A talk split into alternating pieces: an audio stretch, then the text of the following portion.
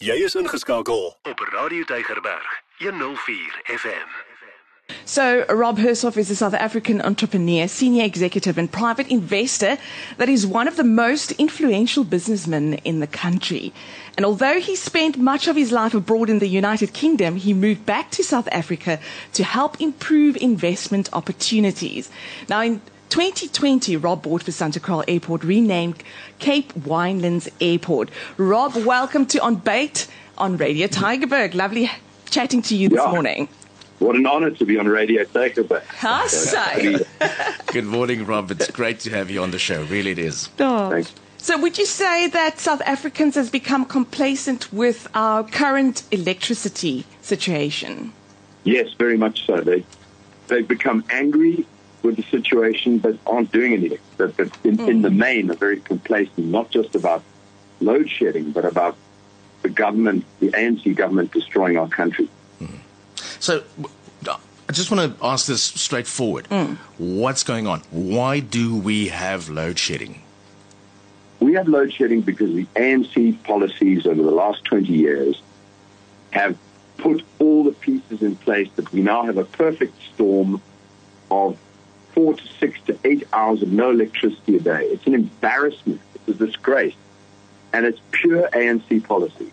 But it's all come together in load shedding, and load shedding is not going away. Cyril and his cabinet of clowns have no solution. And um, Andre de Ruyter, why do you think he resigned at the end of the day?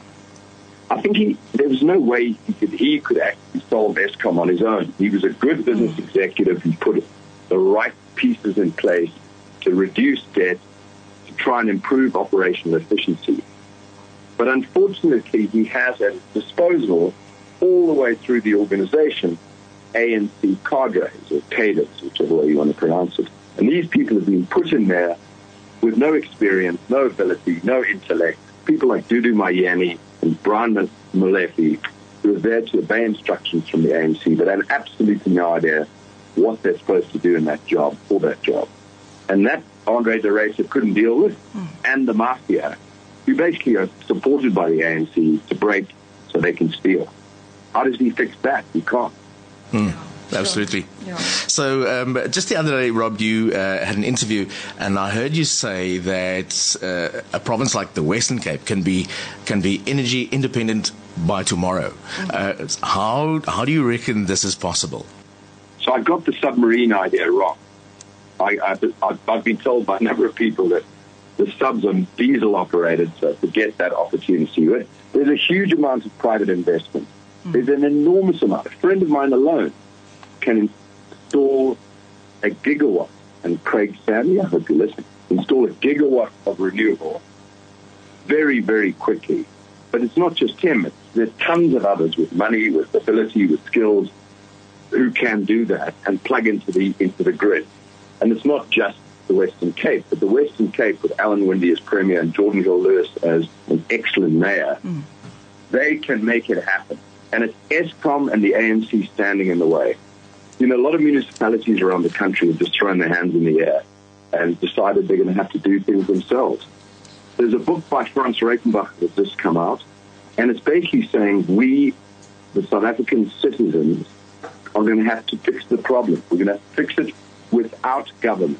Now, we're talking to Rob Hersov this morning. He currently serves as a chairman founder of Invest Africa, chairman founder of the S Group, chairman founder of Lion Cage, non executive director of Altvest and the Cape Town Stock Exchange, and is senior advisor to the founder of Vista Jet. He's a South African UK entrepreneur and private investor based in Cape Town. A very long resume. After 30 plus years in the US, Europe, and mainly in the UK, Rob, why are you still passionate living in South Africa?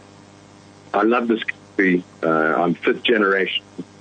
I spent 31 years overseas, came home, and my wife, who's a New Zealander, and I and our children don't want to leave.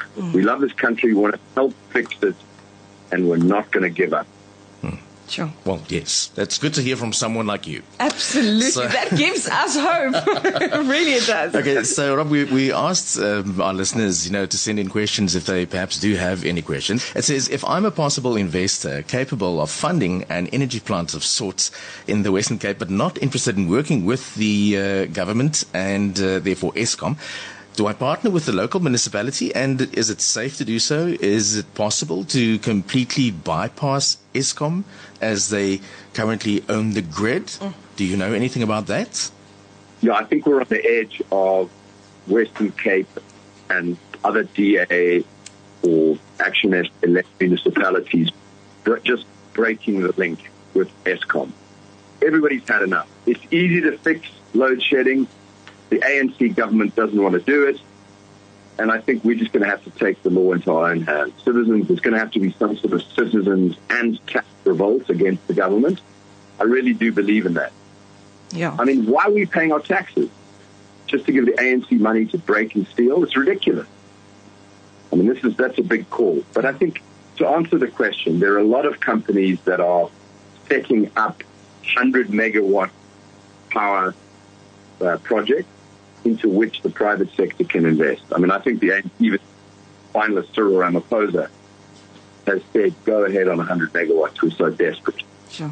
But there are also smaller companies. I've invested in Momint, M-O-M-I-N-T, which is fractionalizing solar panel and solar installations on homes. So if you want to put small amounts of money in, 100 Rand, 1,000 Rand, there will be an opportunity to invest via Momint and NFTs on the blockchain in solar capacity in South Africa. There are a lot of South Africans are great entrepreneurs coming up with great ideas. Yeah. Lots of options. So, what do you think? The question that we want to ask you this morning, especially in this segment, what should we as citizens of South Africans do to fix this problem? And can we take it in our own hands?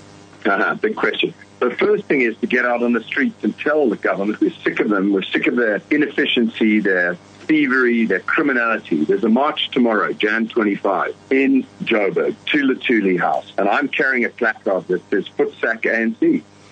And I've got a lot of friends coming with me. I mean, the DA has organized the march, but, uh, you know, it's a non-partisan march in my view. And the citizens need to get on the streets and say, we've had enough. And I'm increasingly angry with the with corporate South Africa. Corporate South Africa says business and politics don't mix. We're not going to stand up and shout at the ANC, and that's wrong. We need the b- big business leaders running big companies to say we've had enough. Yeah. Enough of the. ANC. Yeah. Okay, so now as you, men- you mentioned, tomorrow there's this uh, protest uh, action that's going to be launched. Um, what do you hope this is going to achieve? We hope it's going to achieve many more of these. You know, unfortunately, the ANC takes our taxes, steals most of it, and doesn't reinvest in the country. And the, the manifestation of that is load shedding. We have no railway, Transnet. We have mm. no airline anymore, South African Airways. We have no electricity. They've broken everything. There's nothing left for them to break. But they can keep stealing because we keep paying our taxes. And I just have had enough. Olympesa has the taxpayer union. You should go and have a look at that. But I think there's something bigger in the works. Enough's enough. We need to get rid of these ANC monsters. Yeah. So the protest is not only happening in Johannesburg, it's also happening in Cape Town um, at the parade grounds um, tomorrow at 12 o'clock. So anyone that wants to join, please come and join us. We'll be um, doing the protest there. Great, Rob. Thank you so much for being a part of this uh, of the show this morning. Is there anything uh, you know, just finally that you want to add? You want to say? We can do it. We can save this country. We can fix this country. But everybody needs to co- be courageous and stand up and say, put sack ANC. Enough's enough. Exactly. Okay. Thank you so Thank very you, much. Rob. Thank you so much, and we hope to chat again in future. Great honor. Thank you. Take care. Bye. Bye. Elke dag jou nommer 1 keuse. Radio Tygerberg 104 FM.